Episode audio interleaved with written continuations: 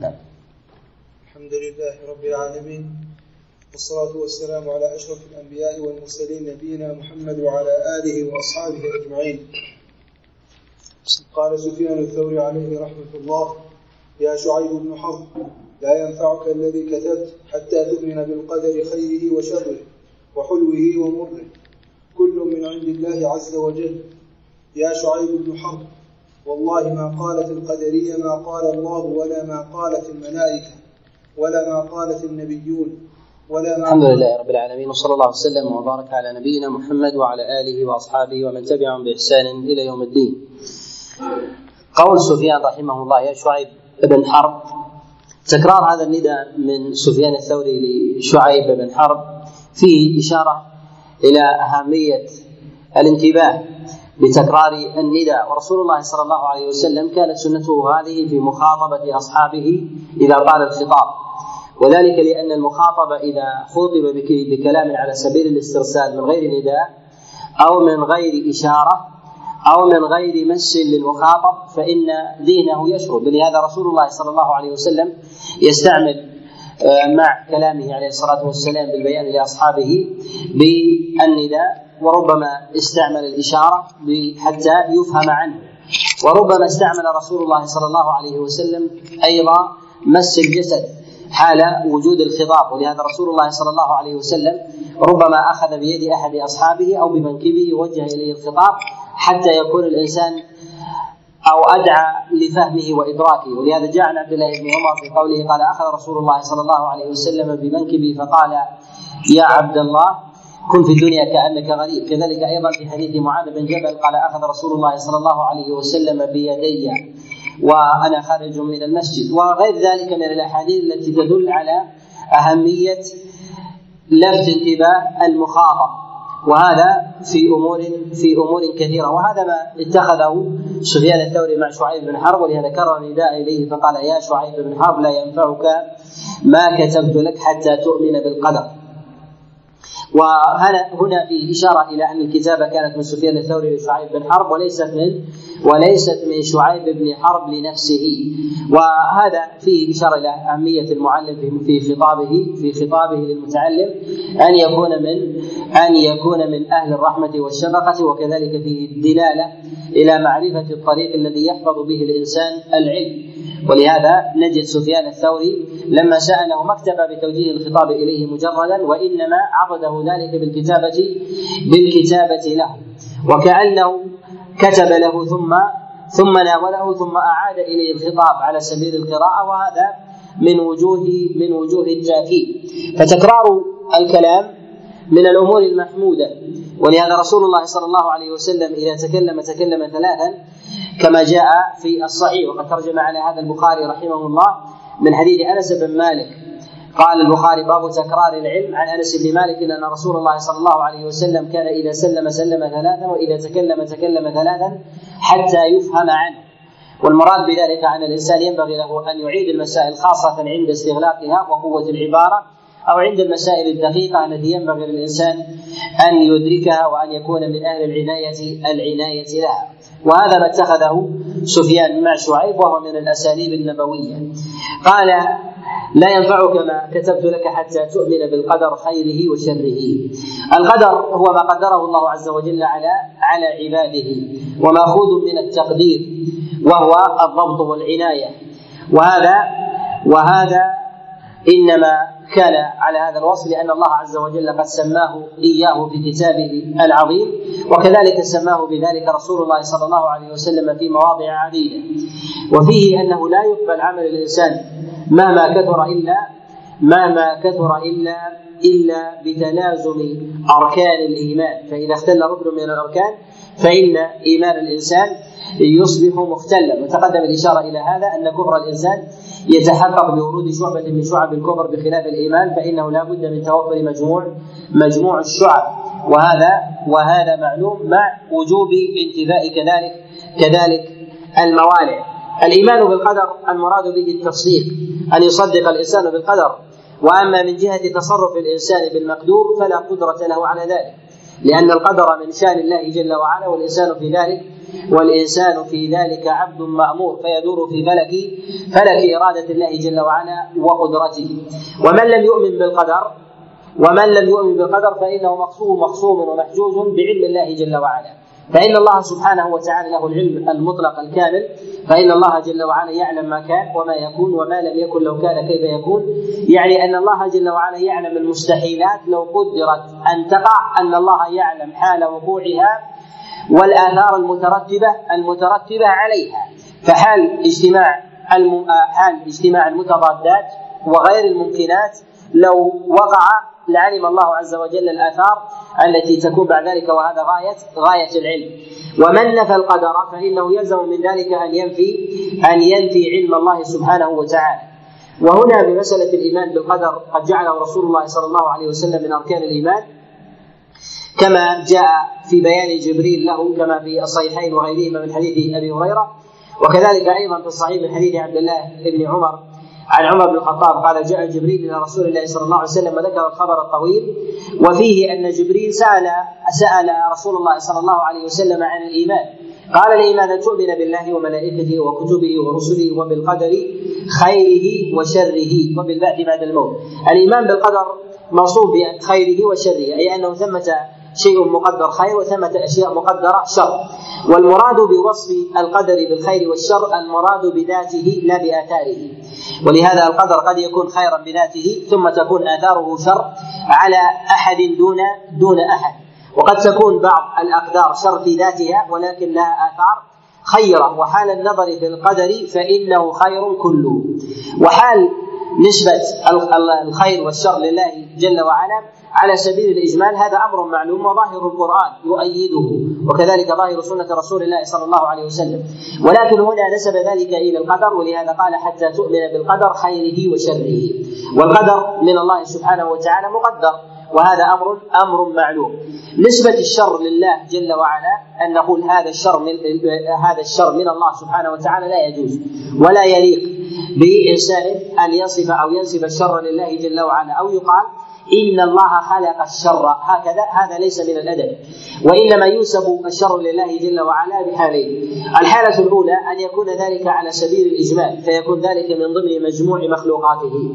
فيقال إن الله جل وعلا خلق الخير والشر كما في قول الله جل وعلا قل أعوذ برب الناس ملك الناس إله الناس من شر الوسواس الخناس الذي يوسوس في صدور الناس من الجنة والناس.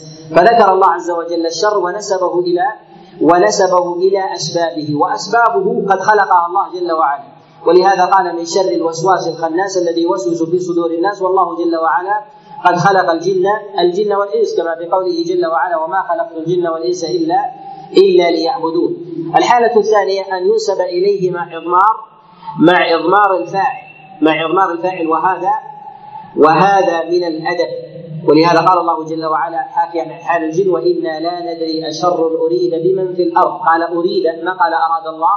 أريد بمن في الأرض أم أراد بهم ربهم رشدا؟ أي أن الله عز وجل هو الذي يريد الرشاد للعباد وأما بالنسبة للشر فإنه لا ينسب لله جل وعلا وإنما يضمر فيقال أريد بي شرا وأما حال الخير فيقول أراد الله بي شرا. وهذا من الأدب مع الله سبحانه وتعالى. لماذا قلنا لا ينسب الشر لله جل وعلا مع القطع أو القاعدة أن الله جل وعلا خلق الكون كله بما فيه؟ نقول لأن هذا يخالف الفأل وكذلك يخالف ما أمر الله جل وعلا من اتخاذ العبد من أحكام شرعية بعد نزول المصيبة، فالله عز وجل حينما يقضي شرا لعبده من مصيب من مصائب هموم وغموم وكذلك فقد مال أو غير ذلك أو مرض أو نحو ذلك فإنه يجب عليه يجب عليه أن يصبر وان وأن يقول ما أمر الله عز وجل به إنا لله وإنا إليه راجعون وأن يرضى بقضاء الله وقدره عليه. فإذا رضي بقضاء الله وقدره عليه انقلب ذلك الشر خيرا. فإذا قال أراد الله بي شرا كأنه لم يؤمر بعمل بعد ذلك يقلب ذلك الخير آثارا إلى إلى الخير إليه. ولهذا النبي صلى الله عليه وسلم يقول كما جاء في الصحيح وغيره قال عجبا لأمر المؤمن إن أمره كله له خير إن أصابته سراء شكر فكان خيرا له وإن أصابته ضراء صبر فكان فكان خيرا له. أي أن المصائب في ذاتها سواء كانت من الخير أو من الشر إن أدى الإنسان ما وجب عليه بعد وقوعها فهي خير له في ذاته. ولهذا الإنسان إذا نزلت به مصيبة من الأكمل والأدب ولو كانت في ذاتها شرا أن يقول أراد الله بي خيرا. لماذا؟ من التفاؤل أن الله عز وجل أراد به خيرا حتى يرجعه إلى الله. وهذا يتكلم عليه العلماء من جهة الحكمة من نزول المصائب والهموم والغموم التي تنزل بالإنسان. منها تذكير الانسان تذكير الانسان بنعم الله جل وعلا وفضله عليه وكذلك أيضا تطهير القلب من المصائب والهموم لهذا يذكر الفلاسفة الفلاسفة القدامى يذكرون أن الانسان لا يمكن أن يتطهر إلا بنزول المصائب عليه وتحقق الشر فيه فإنه يكسب من ذلك خيرا عظيما. ويجعلون المصائب التي تنزل عليه مبدأ لتطهير القلب من شوائب الدنيا وكذلك تجرد البصر والبصيرة من الغبش الذي لا يوصل الإنسان إلى إلى الخير. وهذا معلوم فإن الإنسان إذا أصيب بمصيبة من هم وغم أو أخبر بمرض من الأمراض تجرد من أي من أي شائبه من شوائب الدنيا والتفت إلى رحمة رحمة رحمة الناس وعطف عليهم وكذلك عدم النظر إلى إلى المصائب التي تلحق به ونحو ذلك لوجود مصيبة مصيبة به. وهذا معلوم. تجد الإنسان يتكبر ويتغطرس ويأنف ونحو ذلك فإذا قيل له بك مرض عضال انقلبت حياته وتجرد وأحسن وعفى وصفح وأكرم. وهذا أمر معلوم وهذا ما يسميه أهل الكلام والفلاسفه القدامى بالتطهير. أي أن الإنسان يصاب بهذه الأشياء فيتطهر من أي شائبة فيدرك الحق من الباطل والخير من الشر. وهذا من رحمة الله عز وجل بعباده أن يدرك أن يدرك الإنسان بهذه المصائب التي تنزل عليه تنزل عليه الحق من الباطل. وهذا من من الخير الذي يريده الله جل وعلا. لعباده ولهذا وصف الله عز وجل أن خير الخلق الذين يصابون بالبلاء هم الأنبياء. ولهذا يقول النبي صلى الله عليه وسلم يبتلى الصالحون الأمثل بالأمثل. وجاء النبي عليه الصلاة والسلام قوله أشد الناس بلاء الأنبياء.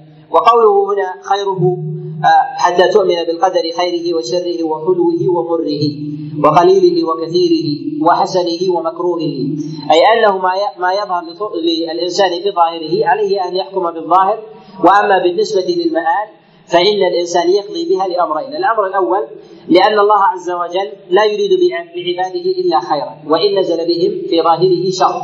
الأمر الثاني تفاؤلا في حال الإنسان، لأن الله عز وجل قد يصيب العبد المصيبة في شر وتكون شرا عليه في ذاته وخيرا لغيره. فيصيب الله عز وجل عبدا بشر ويريد الله عز وجل به شرا بذاته عقوبة ويريد الخير بغيره. كما يؤدب الله عز وجل بالأمم السابقة في مخالفته لأمره جل وعلا حينما عذب قوم هود وصالح وغير ذلك من الأمم البالية. عاقبهم الله عز وجل بأنواع العقاب أراد بهم شرا في ذاتهم وأراد بغيرهم خيرا. وهي العبرة والعظة.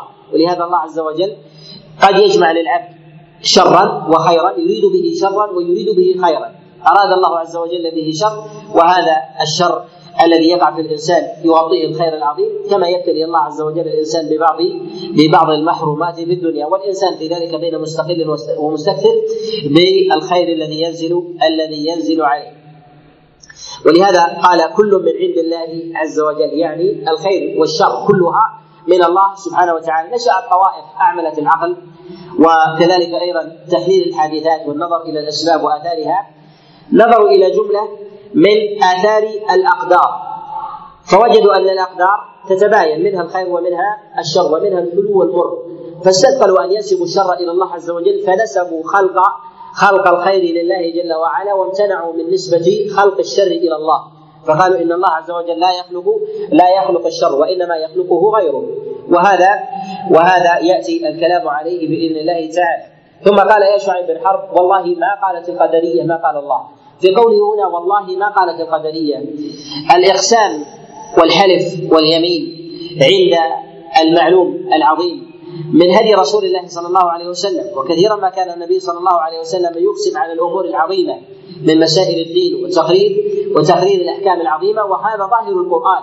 ولهذا أقسم الله سبحانه وتعالى في مواضع عديدة بالامور العظيمة التي ينبغي أن يؤمن بها الإنسان. فالله عز وجل قد أقسم بالنجوم وأقسم بالعصر وأقسم بالأفلاك وأقسم الله سبحانه وتعالى بنفسه وأقسم بالبلد الأمين. وغير ذلك أقسم الله عز وجل بمواضع عديدة من مخلوقاته وأقسم بنفسه. وهذا يكون بحسب بحسب الأمر الذي يقسم عليه. فالله عز وجل له أن يقسم بما شاء وعباده لا يقسمون إلا بالله جل وعلا ويجب عليهم أن لا يقسموا إلا بعظيم.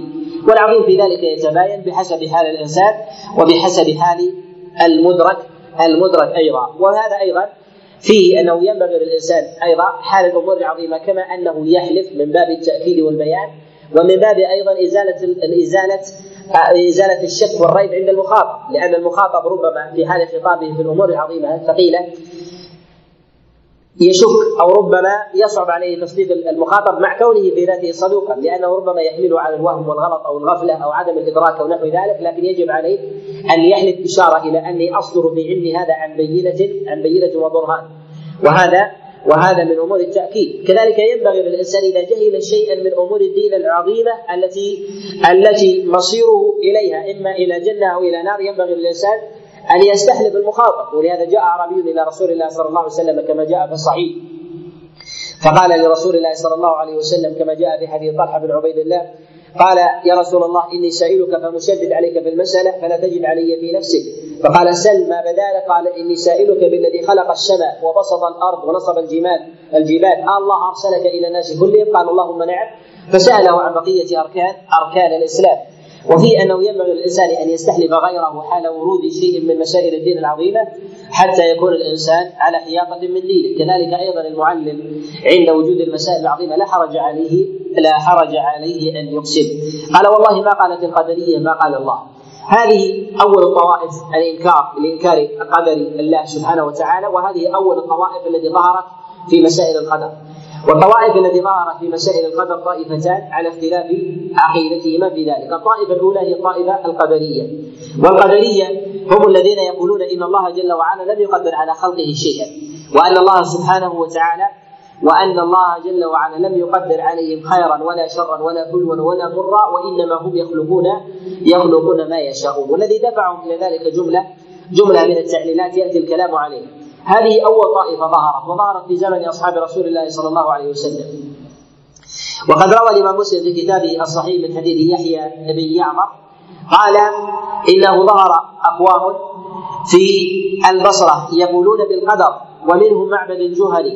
قال وعمدت أنا وعبد الله بن بريدة إلى عبد الله بن عمر عليه رضوان الله تعالى قال فذهبنا حاجين أو معتمرين فوجدنا عبد الله بن عمر عليه رضوان الله تعالى فاختلفته أنا وصاحبي أحدنا عن يمينه وأحدنا عن شماله. قال إلى اخر الخبر. قال فقال عبد الله بن عمر عليه رضوان الله تعالى قال أخبرهم. يعني الذين يقولون أن لا قدر وأن الأمر ألف أخبرهم أني بريء منهم وأنهم براء مني والله والذي نفسي بيده لو أنفق أحدهم مثل أحد ذهبا ما تقبل منه حتى يؤمن. حتى يؤمن بالقدر. ثم ذكر قصة قصة جبريل في اتيان رسول الله صلى الله عليه وسلم في اتيان جبريل إلى رسول الله صلى الله عليه وسلم وسؤاله عن الإيمان. قال الإيمان ان تؤمن بالله وملائكته وكتبه ورسله وبالقدر خيره وشره وبالبعث بعد الموت. في هذا إلى إشارة إلى أول طائفه ظهرت في أمور القدر. وأما هذا في طوائف الإسلام وأما بالنسبة لنسبة الشر لغير الله عز وجل وكذلك الخير لغيره سبحانه وتعالى. فهذا ظهر في طائفة المانوية أو المانوية وهي من الطوائف من الطوائف المجوسية الذين ينسبون الخير إلى النور وينسبون الشر إلى الظلمة. وهذه عقيدة يريدون بذلك أن يبرئوا الخالق جل وعلا من ظلم عباده فيما يزعمون. ومنهم من يقول إن لنا آلهتان آلهة الخير وآلهة الشر وآلهة الخير هي النور وهي النهار وآلهة الشر هي هي الظلام و وهذه عقيدة قبل الإسلام وهي عقيدة نشأت في بلاد في بلاد فارس وبقي لها بقايا في بلدان المسلمين حتى حتى تلاشت. ولهذا يقول الشاعر العربي مشيرا إلى هذه العقيدة يقول وكم لظلام الليل وكم لظلام الليل عندك من يد تدل على أن المانويه تكذب. يعني الليل له حسنات. يلتقي في ذلك العشاق ويلتقي في ذلك الأصدقاء ونحو ذلك فكيف تكون بذلك سيئه والله سبحانه والليل له يد في ذلك من أمور الخير.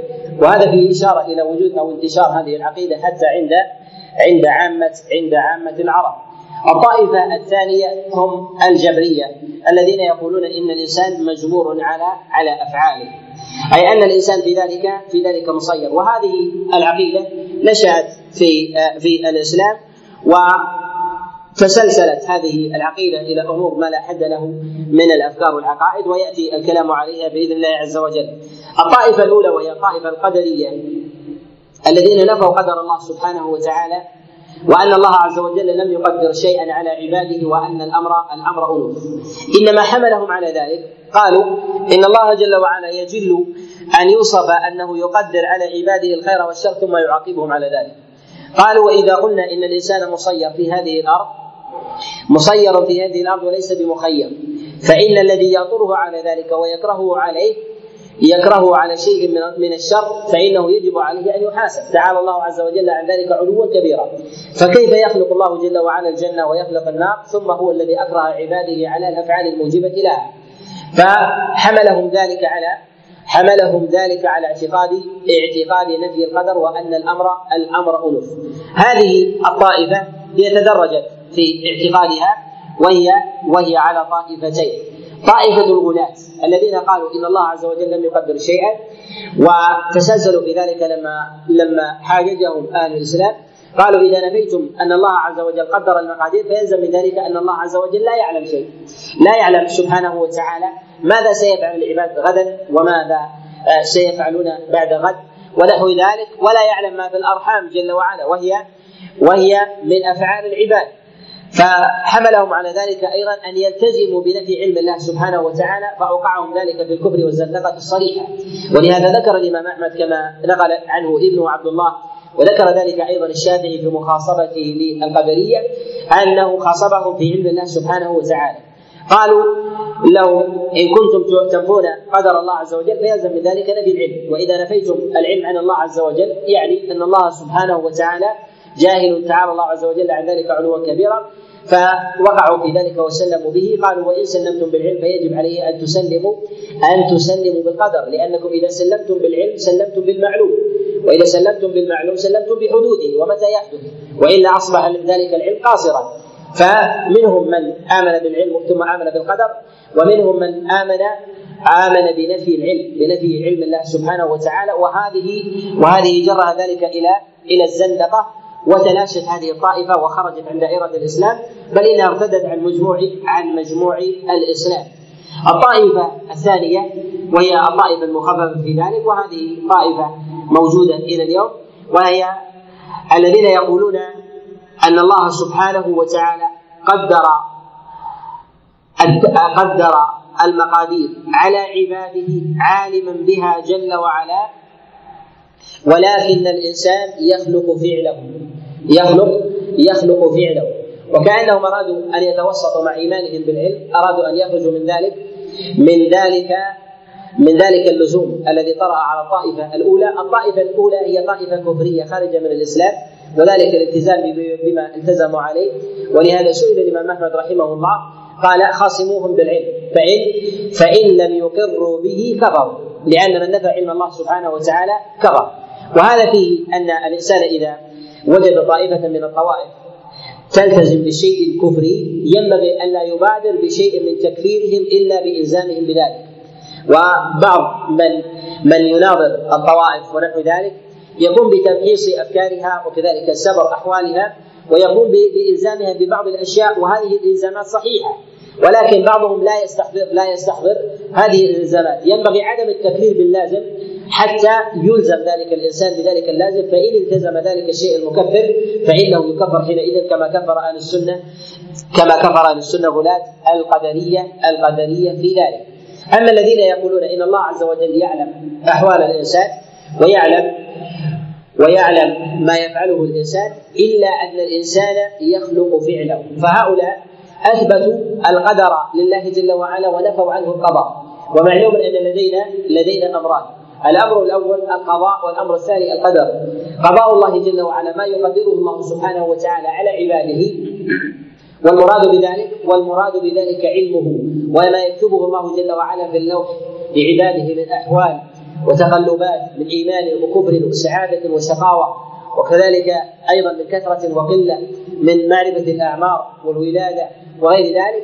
هذا علم الله سبحانه وتعالى. قالوا وأما أفعال العباد فإنها مكتسبة من ذواتهم وهم خالقون لأفعالهم خالقون خالقون لأفعالهم. وهذا وإن كان فيه تضاد مع التسليم بعلم الله جل وعلا إلا أن هذه الطائفة لا تكفر لأنها لا تلتزم بشيء بشيء كفري. ولهذا الإمام أحمد رحمه الله لما سئل عن الصلاة خلف خلف القدر قال انظر إليه فإن كان ممن يخاصم في العلم فلا تصلي خلفه. يعني إذا كان ممن يتكلم في قضايا العلم في قضايا علم الله سبحانه وتعالى فإنه يلزم من ذلك يلزم من ذلك تكفيره وعدم جواز الصلاة خلفه. وأما إذا كان من يتكلم على هذه القضية مسألة خلق أفعال العباد ونحو ذلك فإن هذا من الشبهات العريضة التي لم يطلق السلف الصالح فيها تكفيرا. وهذه طائفة من طوائف من طوائف الضلال. وبعض العلماء يطلق عليه التكفير باعتبار باعتبار نسبة الخلق إليهم ولكن إطلاقهم في خلق العباد لأفعالهم أن هذا الفعل لا أن هذا الخلق لهذا الفعل لا يجعلونه خلقا منفردا ربما يجعلونه كسائر ما يتصرف به الإنسان من الكون ولكن جملة من إطلاقاتهم أو من إطلاقات أئمتهم تجعل البون بين بين ما يفعله الإنسان ويتصرفه في ملكه مما يتصرف به الإنسان مثلا من بناء دار أو نشارة خشب أو نحو ذلك وما يتصرفه الإنسان في في أفعاله. قالوا فعل الإنسان في ذاته هو هو خلق له منفك عن سائر تصرفه تصرفه في الكون وهذه الطائفة وهي القدرية المخالفة الذين يقولون بخلق أفعال العباد هي هي من طوائف الكلام من الماتريدية والأشاعرة في زماننا. وهي عقيدة يعتقد بها يعتقد بها إلى اليوم وأما الفرقة الأولى وهم غلاة القدرية الذين ينفون القدر وينفون علم الله جل وعلا وينفون أيضا أن الله عز وجل يخلق أفعال العباد من باب من باب أولى. الأمر الثاني لدينا القضاء، قلنا لدينا القدر ولدينا القضاء. القدر هو ما يقدره الله عز وجل على عباده باللوح المكتوب وأما بالنسبة لقضاء الله عز وجل. قضاء الله سبحانه وتعالى هو تصرفه في الكون تصرفه في الكون من خلق فعل العبد وصرفه يمنة ويسرى ورزقه الخير والشر وغير ذلك. فهذا هو هذا هو قضاء الله جل جل وعلا. ولهذا نقول يجب أن يؤمن الإنسان بالقضاء والقدر القدر هو الأمر الماضي الذي يحدث على الإنسان ويتباين درجة حدوثه بحسب الأفراد. وأما بالنسبة لقضاء الله جل وعلا هو ما يقضي به الله سبحانه وتعالى حال وقوع الحدث. حال وقوع الحدث فهذا هو قضاء الله سبحانه وتعالى. وبين القضاء والقدر عموم وخصوص وهي شبيهه بما يذكره العلماء في مسألة الإسلام والإيمان وكذلك بين الفقر والمسكنة فيقال إذا اختلف إذا افترقا اجتمعا وإن اجتمعا اختلفا ان افترقا اجتمعا على المعنى الواحد فكل واحد منهما يدل على الآخر. وإن اجتمعا فلكل واحد الدلالة على ما تقدمت على ما تقدمت الإشارة الإشارة إليه. الطائفة الثانية من الخائضين في القدر في القدر هم الجبرية وهم على على فرقتين. الفرقة الأولى هم الغلاة الذين يقولون إن الإنسان مجبور مجبور على فعله. هذا وليس له مشيئة. قالوا وهو في تصرف الله سبحانه وتعالى لا لم يجعل الله عز وجل له له مشيئة على الإطلاق ولا خيارا وليس له اختيار في أي شيء. وهؤلاء جعلوا الإنسان لا يعبد إلا الله فاتفقوا مع فاتفقوا مع الطوائف القائلة بالحلول قائلة بالاتحاد والقائلين بفناء النار والقائلين بما يقول لن تفنى النار الذين يقولون بأن بأن النار هي غضب الله جل وعلا وليست وليست عقابه وإنما يغضب الله عز وجل ولا يعاقب ولا يعاقب أحدا وهذه الطائفة التي تقول إن الإنسان مجبور يجعلون الإنسان يمثلونه بأمثلة قالوا كحال جريان دم الإنسان فيه ولا تصرف له فيه. لا تصرف له له فيه. وكذلك أيضا في حال الإنسان مثلا في في إذا أراد أن يغسل ميتا قالوا إن الإنسان في هذه الدنيا كحال تفسير الإنسان الميت يقلبه يمنة ويقلبه يسره وليس له تصرف في الكون. وكذلك أيضا يلزم من قولهم ذلك أن يكون كحال كحال نبضات القلب التي تضرب ولا خيار له ولا خيار له فيها. قالوا حركاته وسكناته كذلك. يتحرك الإنسان مجبورا. والتزموا بذلك بالتزامات. قالوا حينما يكون الإنسان مجبورا على فعل الشر يلزم من ذلك أن الله عز وجل لا يعاقبه. وجاءوا بالتزامات كثيرة منها أن الله عز وجل لا يعاقب أحدا من عباده. قالوا وإذا كان كذلك فإنه لا يوجد لا يوجد نار في هذا. وعن جبرية حملهم على ذلك بعض الشبهات. بعض الشبهات. من هذه الشبهات قالوا أنه يلزم من قضاء الله عز وجل وقدره الا يكون الانسان خيار. وذلك وذلك أن الله سبحانه وتعالى إذا قدر المقادير وخلق الأشقياء والسعداء وخلق الشقاوة والسعادة والجنة والنار وقدر هذه المقادير على الخلق يلزم يلزم من ذلك الإيمان بأنه لا يوجد مشيئة للإنسان ولو قلنا لمشيئة ضعفت قدرة الله سبحانه وتعالى تعالى الله عز وجل عن ذلك علوا كبيرا. فأرادوا وراموا تنزيها لله جل وعلا فوقعوا في تكذيب كثير من النصوص في كلام الله جل وعلا وكلام رسول الله صلى الله صلى الله عليه وسلم. وحملهم على ذلك حسن القصد والظن وتعلقوا ببعض المتشابهات من كلام الله جل وعلا. من ذلك في قول الله سبحانه وتعالى وما رميت إذ رميت ولكن الله الله رمى. قالوا إن إن الله جل وعلا ذكر حال رسول الله صلى الله عليه وسلم أنه أنه لم يرمي. قال وما رميت؟ مع أن النبي عليه الصلاة والسلام هو الذي رمى. ولكن الله رمى. ويستدلون أيضا بحديث أبي هريرة ما جاء في صحيح البخاري. قال رسول الله صلى الله عليه وسلم قال الله جل وعلا من عاد لي وليا فقد بارزني بالمحاربه ولا يزال عبدي يتقرب إلي بالنوافل حتى أحبه. فإذا أحببته كنت سمعه الذي يسمع به وبصره الذي يبصر به ويده التي يبطش بها ورجله التي يمشي بها ولئن سألني لأعطينه ولئن استعاذني لأعيذنه. وهذا وهذا لو تأملوا وكذلك الآية السابقة فهي حجة عليهم لا حجة لهم. أما الآية الأولى في قول الله جل وعلا وما رميت إذ رميت ولكن الله رمى. الله عز وجل أثبت الرمي لرسول الله صلى الله عليه وسلم في قوله إذ رميت يعني أنك أنت الرامي ولكن المسدد هو الله.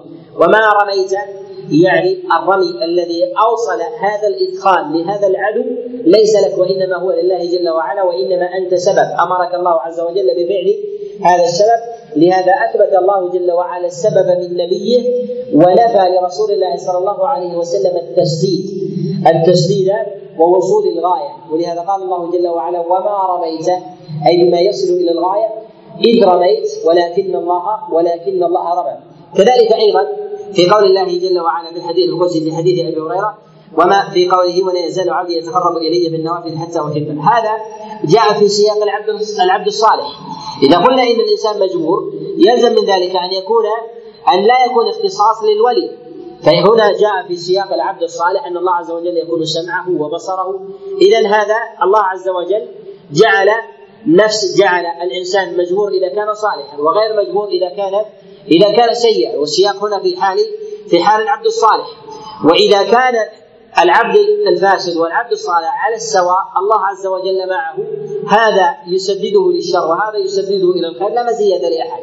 لا مزية لا مزية لأحد. كذلك أيضا في قول الله جل وعلا في هذا الخبر ما يزال عبدي يتقرب إلي بالنوافل حتى أحبه يعني أن تسديد الله عز وجل لعبده لم يكن موجودا إلا بعد اكثار العبد من الطاعة إلا بعد اكثار العبد من الطاعة. يعني أن المراد بذلك هو التسديد وإلا لزم أن لا يكون الله عز وجل حاضرا مع عبده قبل الطاعة ووجد بعد بعد الإكثار من الطاعة وأن الله عز وجل لم يكن لم يكن لم يكن مجبرا لعبده قبل طاعته ومجبرا لعبده بعد طاعته على الخير. وهذا وهذا فيه ما فيه.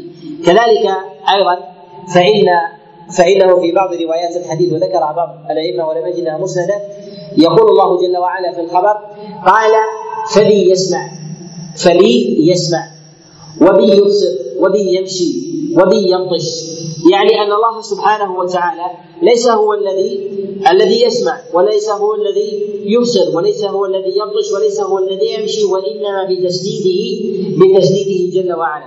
وهذه الطائفه من الغلاة الذين قالوا إن الله جل وعلا يتصرف الإنسان وليس له ليس له مشيئة. التزموا بلوازم فاسدة كثيرة جدا وكذلك ينبغي لهم لهم أن يلتزموا بأشياء لم يلتزموا بها بها أصلا. قالوا إذا كان الإنسان مجبور على الخير والشر فلا فما فائده أصلا من ان من إرسال الرسل من إرسال الرسل والنذر وكذلك تبليغ آه، العلم وكذلك الهدايه الناس ودلالته كذلك أيضا التزموا أن الإنسان إذا كان الله عز وجل يجبره على الشر فإنه يلزم من ذلك عدم العقاب وكذلك نفي وكذلك وأن الإنسان لابد أن يكون عابدا لله جل وعلا واستدلوا أيضا والتزموا أيضا بأن الله جل وعلا حال في سائر عباده، حال في سائر عباده لقوله ماذا؟ قالوا إذا كان الله عز وجل جابرا لعباده فهو حال فيهم، وإذا حل فيهم سبحانه وتعالى فإن الإنسان لا يفعل شيئا إلا كما يريد الله سبحانه وتعالى، فمن عبد الشجر والصنم والكوكب وكذلك الجان فإنه يعبد الله سبحانه وتعالى لأن الله عز وجل صيره وأراد به وأراد به ما أراد جل وعلا باختياره سبحانه. ويستدلون أيضا بقول الله جل وعلا وقضى ربك ألا تعبدوا إلا إياه وبالوالدين إحسانا قالوا قضى الله جل وعلا ألا نعبد إلا إياه ومعنى قضاء اي قدر. أي أن الله عز وجل قدر علينا الا نعبد إلا إياه. فإذا حوججوا بعبدة الأصنام قالوا وهذه منافاة للقضاء الذي أراده الله سبحانه وتعالى. ولكن نقول إن قضاء الله عز وجل هنا أمره كما جاء تفسير ذلك عن عبد الله بن عباس وعبد الله بن مسعود وغيره. وأما قولهم أن هذا هو القدر فهم التزموا أن عبادة الأصنام لما كان قضاء الله لا بد أن يكون نافذا. قالوا اذا من عبد الصنم فهو عابد لله لأنه على قضاء الله. ولكن أيضا يلزم من ذلك أن نقول أن الله عز وجل حينما قال وقضى ربك ألا تعبدوا إلا إياه وبالوالدين احسانا أنه لا يوجد عقوق في البشرية. فمن ضرب أمه وضرب أباه فهو بار بأبيه وأمه. وهذا لا يستقيم أيضا مع مع قول أهل التحسين والتقبيح العقل لأفعال العباد. ويلزم من ذلك أيضا ألا نقول أيضا بإقامة الحدود والعقوبات على الناس وإبطالها لأن الإنسان لأن الإنسان لا يعاقب على شيء أمره الله سبحانه وتعالى به. وهذه الالتزامات منهم من يلتزم بها ومنهم من لا يلتزم من لا يلتزم بها. الطائفة الثانية من طوائف الجبرية الذين يقولون إن الإنسان مجبور قلبه. مجبور قلبه على الشيء وأما جوارحه فله اختيار اختيار فيها. وهذه أخف طوائف. الجبرية وهي وهذه الطائفة آه، أو هذا الاعتقاد يقول به يقول به أهل الاعتزال يقول به أهل أهل الاعتزال اليوم وهم يتباينون في ذلك من جهة اللوازم ومن جهة ما يقولون به. ولهذا نجد ربما الطائفة الواحدة تشكك في هذه العقيدة وربما لا تأخذ ببعض اللزوم اللزومات وبعضها يأخذ بها ولهذا تجد الرافضة في مسألة نفي قدر الله جل وعلا. نجد بعض أئمة الرافضة ينفون القدر وبعض أئمة الرافضة لا ينفون القدر ويثبتونه لله جل وعلا. لماذا؟ لأنهم استحضروا العلم. يقول يقولون إن الله عز وجل يعلم وإذا علم فيلزم من ذلك أن الله عز وجل قدر ولا يكون إلا ما علم وحينئذ يلزم من ذلك أن الله عز وجل قدر هذه المقادير. الطوائف الرافضة في ذلك يتباين منهم من يثبت ومنهم من لا يثبت والمشهور عنهم نفي القدر.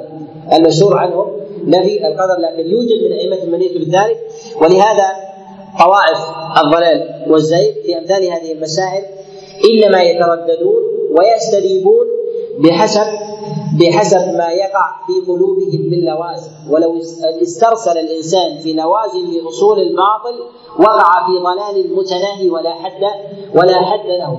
فيكون أحكام الشريعة تتساقط كحال الأعمدة يضرب بعضها بعضا حتى لا يبقى من الشريعة أصل ولا ولا فرع. ولو التزموا بذلك وألزموا لازم من ذلك حتى أمور الأخلاق أنه لا يوجد فيها خير ولا يوجد فيها فيها شر.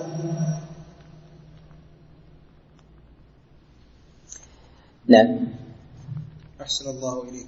قال رحمه الله تعالى يا شعيب بن حرب والله ما والله ما قالت القدرية ما قال الله ولا ما قالت الملائكة ولا ما قال قالت النبيون ولا ما قال أهل الجنة ولا ما قال أهل النار ولا ما قال أخوهم إبليس لعنه الله قال الله قوله هنا قال ولا ما قالت الملائكة ولا ما قال النبيون ولا ما قال أهل الجنة ولا ما قال أهل النار في قوله والله ولا ما قالت الملائكة ولا ما قال النبيون إشارة إلى أن هذا ليس من الوحي والوحي منه براء وهذا نعلم أن شريعه الإسلام ما جاءت إلا بواسطة الأنبياء عن الملائكة عن رب العالمين.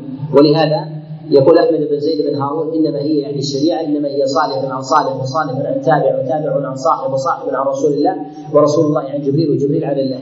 وهذه هي الشريعة. لا يوجد شيء لدينا من علم الدين ينتهي إلى أحد إلا بهذا الإسناد. ومن جاء بشيء من الدين عن غير هذا الإسناد فهو دين مختص له ليس ليس لنا.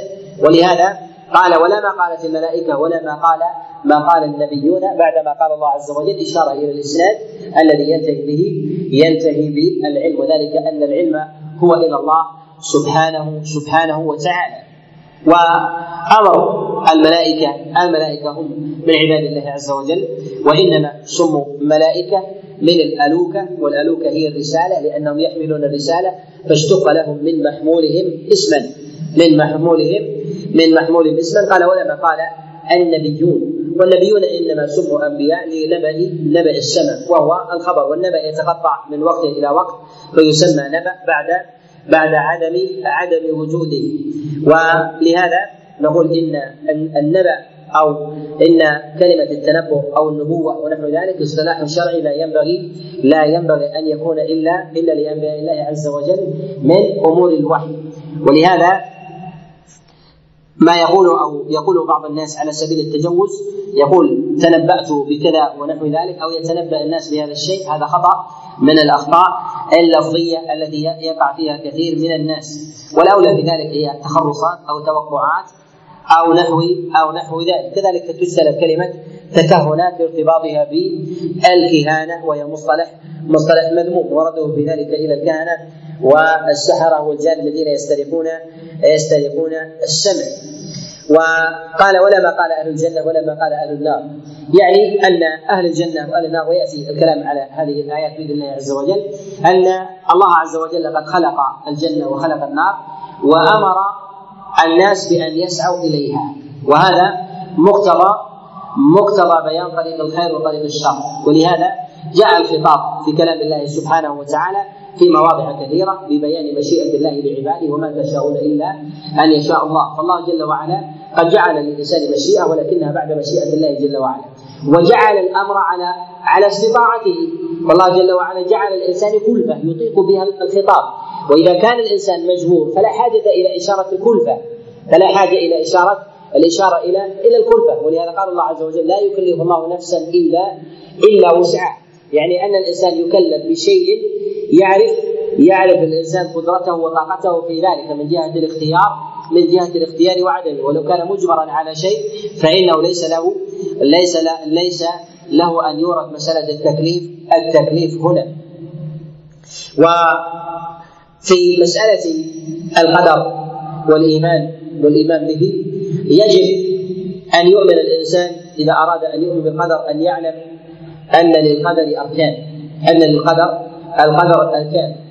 الأول الإيمان بعلم الله جل وعلا وعلم الله سبحانه وتعالى السابق لكل الحوادث وأن الله جل وعلا قدر مقادير الخلائق قبل أن يخلق السماوات والأرض بخمسين ألف عام. وهذا التقدير من الله جل وعلا للكون تقدير واقع. وصائر من سائر الكائنات سواء كانت أحياء يعني حيوانات بهيمة أو ناطقة أو كانت جمادات من تصريف الكواكب ومسيرها انتظام النجوم وسقوطها وغير ذلك. كذلك أيضا ما كان من من المعاني من المعاني من الازمنه تغير الليل والنهار النور والظلمة وكذلك قيام الساعة وتقلبات الأحوال.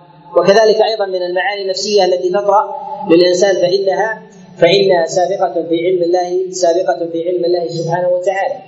ولا يمكن للإنسان أن يختص بشيء مما مما كان من علم الله جل وعلا إلا بسبب مشروع إلا بسبب مشروع.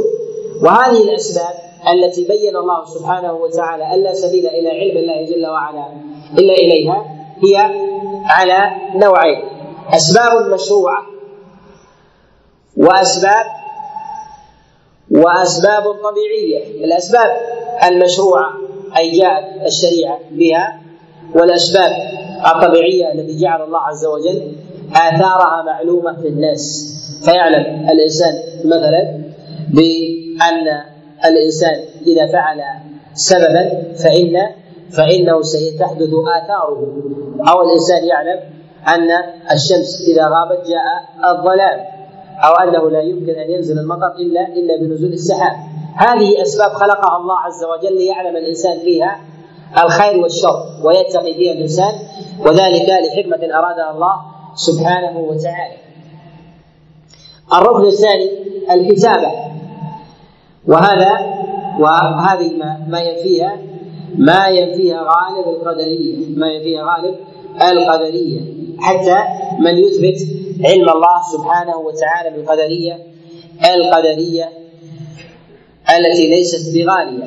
والله جل وعلا كتب مقادير الخلائق في لوح عنده وكتب الله جل وعلا أهل الجنة وأهل النار وأن كل منهم في في فريقين. وقد جاء في ذلك جمله من الأحاديث من الأحاديث عن رسول الله صلى الله عليه وسلم خصيصة في بيان أهل الجنة وأهل النار. وقد جاء جبريل إلى رسول الله صلى الله عليه وسلم بكتابين فقال هذا فيه أسماء أهل الجنة وهذا فيه أسماء أسماء أهل النار. جعل الله وإياكم من أهل الفوز والجنة. وفي قوله هنا ولا ما قال اخوهم إبليس لعنه الله. والمراد بالأخوة هنا أخوة أخوة العقيدة. وفيه إشارة إلى تكفير إلى تكفير القدرية. وذلك أن إبليس ما نفى القدر. وإنما وإنما أثبته. ولهذا قال في احتجاجه بأن الله عز وجل كتب عليه ذلك. قال فبما أغويتني. أي أن الله جل وعلا كتب عليه ذلك وقدره عليه. أراد أن يسير في هذا الطريق. ولكنه أخطأ في الالتزام بذلك الإيمان التزاما باطلا الالتزام بذلك الإيمان التزاما باطلا. وهذا فيه مسألة وهي مسألة الاحتجاج بالقدر على الذنوب والمعاصي. الله جل وعلا يقدر الخير والشر ويقدر الحسنات والسيئات على عباده. فما يقع من الإنسان من ذنب قدره الله جل وعلا عليه. ولكن الاحتجاج بالقدر على المعصية لا يجوز وهي طريقة إبليس. ولهذا يقول العلماء من احتج بالقدر على الذنوب والمعاصي فهو إبليس. ومن احتج ومن لم يحتج بالقدر على الذنوب والمعاصي وتاب وأناب فهو آدم.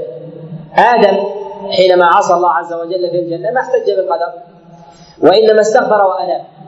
أما إبليس احتج بالقدر على الغواية التي هو هو فيها. فوافق إبليس طوائف من من الكفره فاستدلوا بمشيئة الله عز وجل على مخالفة على مخالفتهم لأمره.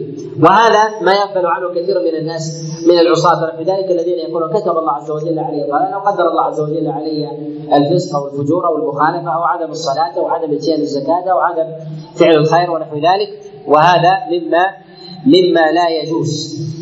الأمر الثالث أن الله عز وجل خلق الخلق وما يعملون. خلق الخلق وما يعملون. يعني أن الله سبحانه وتعالى حينما خلق الخلق خلق لهم جوارح.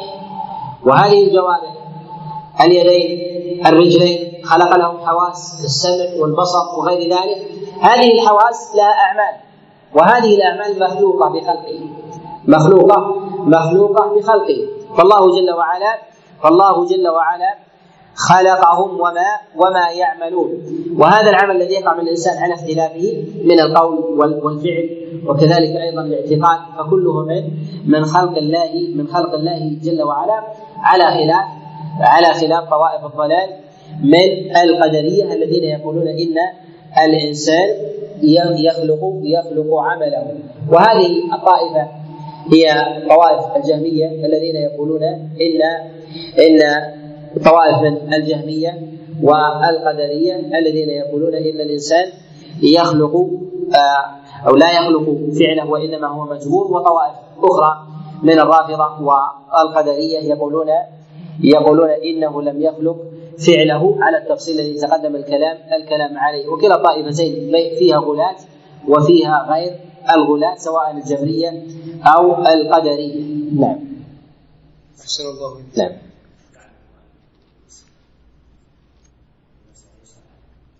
يقول هنا ولما قال أخوهم إبليس لعنه الله. في لعن إبليس هنا هل لعن إبليس جائز؟ إبليس؟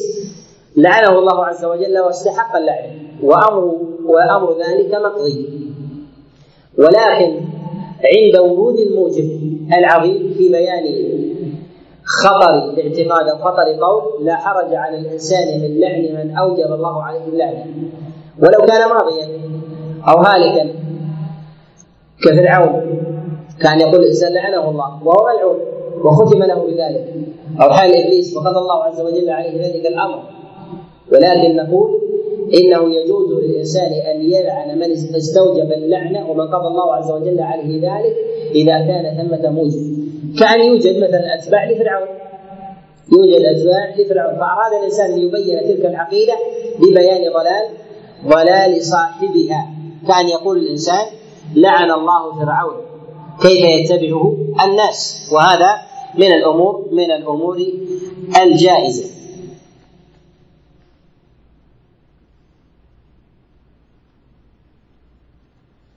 نعم. أحسن الله إليك. شيخ الركن الرابع. الركن الرابع وذكرنا أربعة أركان نضيف إليها رابع وخامس. الرابع مشيئة الله سبحانه وتعالى لله عز وجل مشيئة. وهذه المشيئة لا تنزع مشيئة الإنسان فإنما جعل الله عز وجل للإنسان مشيئة ولكنها بعد مشيئة الله جل وعلا. ويأتي الكلام على هذه المشيئة بعون الله عز وجل وتسديده الخامس حكمة الله جل وعلا. لأن الله سبحانه وتعالى لا يقدر شيء على عباده إلا إلا لحكمة إلا إلا لحكمة فإذا علم الإنسان الحكمة التي يقدرها الله عز وجل لعباده فهذا فهذا يغرس في الإنسان يقينا وإيمانا أن الله عز وجل لا يقدر على عبده شرا محضا لا يقدر لا يقدر على العبد شرا شرا محضا وإنما خيرا إذا أخذ إذا أخذ بالاعتبار بالحكم. فإبليس لم يأخذ بحكمة الله عز وجل وإنما احتج بظاهر القدر من غير نظر إلى حكمة على الاسترسال في الباطل على الاسترسال في الباطل. وأما آدم عليه السلام فأخذ بحكمة الله عز وجل أن الله يبتليه ويريد به وبأمته وبأمته خيرا. فاحتج احتج أو لم يحتج بالقدر على المعصية فتاب فتاب وأناب. والحكم في ذلك على نوعين حكم عامة وحكم خاصة الحكم العامة التي يريدها الله عز وجل للكون كله والحكم الخاصة هي التي يريدها الله عز وجل لأحد لأحد الناس. والناس في ذلك يتباينون. وقد تقسم الحكم في ذلك إلى إلى نوعين آخرين باعتبار الزمن. فيقال حكم عاجلة وحكم آجلة وقد تقسم أيضا باعتبار الظهور والخفاء. فيقال حكم ظاهرة وحكم خفية. حكم ظاهرة وحكم وحكم خفية. ولله عز وجل في ذلك مقادير لا يعلمها لا يعلمها إلا إلا الله. جل وعلا. لهذا ينبغي الإنسان إذا نزلت به مصيبة وقدر الله عز وجل عليه أمرا في ظاهره سوء عليه أن يذكر بذلك المشروع وأن يعلم أن ذلك خيرا له. أن يعلم أن ذلك خيرا له ليقدر الله عز وجل له في ذلك الخير. نعم. أحسن الله إليك. قال رحمه الله تعالى قال الله عز وجل أفرأيت من اتخذ إلهه هواه وأضله الله على علم وختم على سمعه وقلبه وجعل, وجعل على بصره غشاوة. فمن يهديه من بعد الله؟ أفلا تذكرون؟ قوله هنا قال الله عز وجل أفرأيت من اتخذ إلهه هواه؟ اتخاذ الإله هنا إشارة إلى أن الإنسان اتخذ هذا الإله وهذا الاتخاذ يقتضي أن للإنسان مشيئة يتخذ بها ولا يتخذ. وأن الله جل وعلا جعل للعبد مشيئة في اختيار الباطل وجعل له مشيئة في اختيار في اختيار الحق. وذكر الله عز وجل هنا في حال من اختار الباطل في قوله أفرأيت من اتخذ إلهه هواه؟ أي كان له اختيار ومشيئة لأنه لو كان مجبورا ما ذمه الله سبحانه وتعالى. ولكن هنا أثبت الله عز وجل علمه بذلك ونسب إليه ونسب إليه الاختيار. قال واضله الله على علم. يعني هذا بعلم من الله سابق ولكن له اختيار.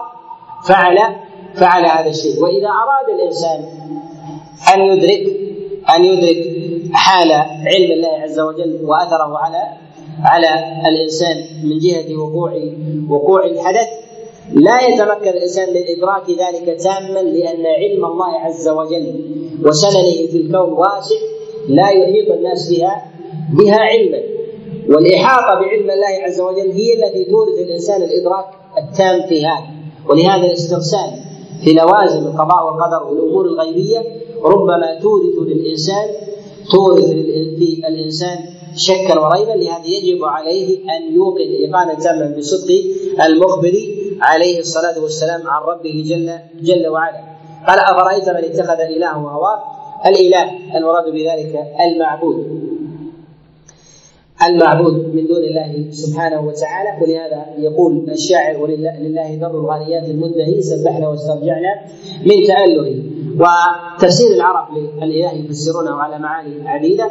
من هذه المعاني يفسرها بالمعبود كقول الشاعر فيما تقدم لله در الغاليات المنتهي سبحنا واسترجعنا من تأله ومن المعاني المراد بذلك المرتبع مرتبع يسمى إلها وآلهة ولهذا تسمي العرب الشمس إلها. ولهذا يقول الشاعر تروحنا من الدهناء عصرا وأعجلنا الالهه ان تغيب ويراد بذلك أيضا ما كان خافيا ولا ولا يرى وكذلك ويقول الشاعر العربي لاهت فما عرفت يوما بخارجة يا ليتها برزت حتى رأيناها يريد بذلك المعشوقة وأي أنها اختفت اختفت عن الأنظار واحتجبت واحتجبت عنه فقال لاهت وهذا من اشتقاق المعاني آه، في معنى بمعنى الإله. ومن معانيها أيضا هو الثبات والدوام وعدم وعدم الزوال. و وكذلك يظهر هذا في قول في قول آه، الشاعر كأن رسومها يقول في قول الشاعر كأن بقاياها رسوم رسوم على اليد. يعني أنها لا تزول وثابتة وأظهر المعاني هنا أن يقال أنها منصرف منصرفة إلى عبودية الله جل وعلا وقد يقال إن الإله مشتق من مجموع المعاني والذي يظهر والله أعلم أن الله سبحانه وتعالى لفظ الجلالة الله هو اسم الله الأعظم لاشتماله لسائر الأمور أو سائر المعاني.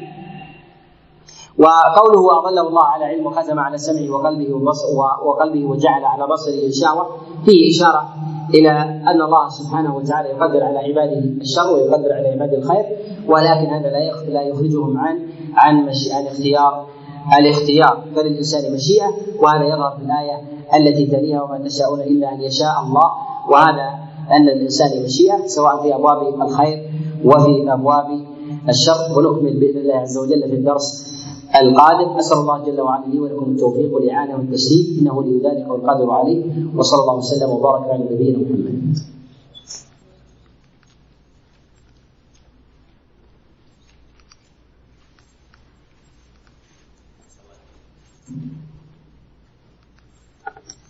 نعم.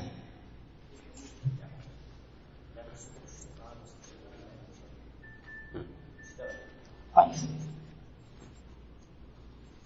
نكتفي بهذا القدر. الاثنين والثلاثاء ننتهي إن شاء الله.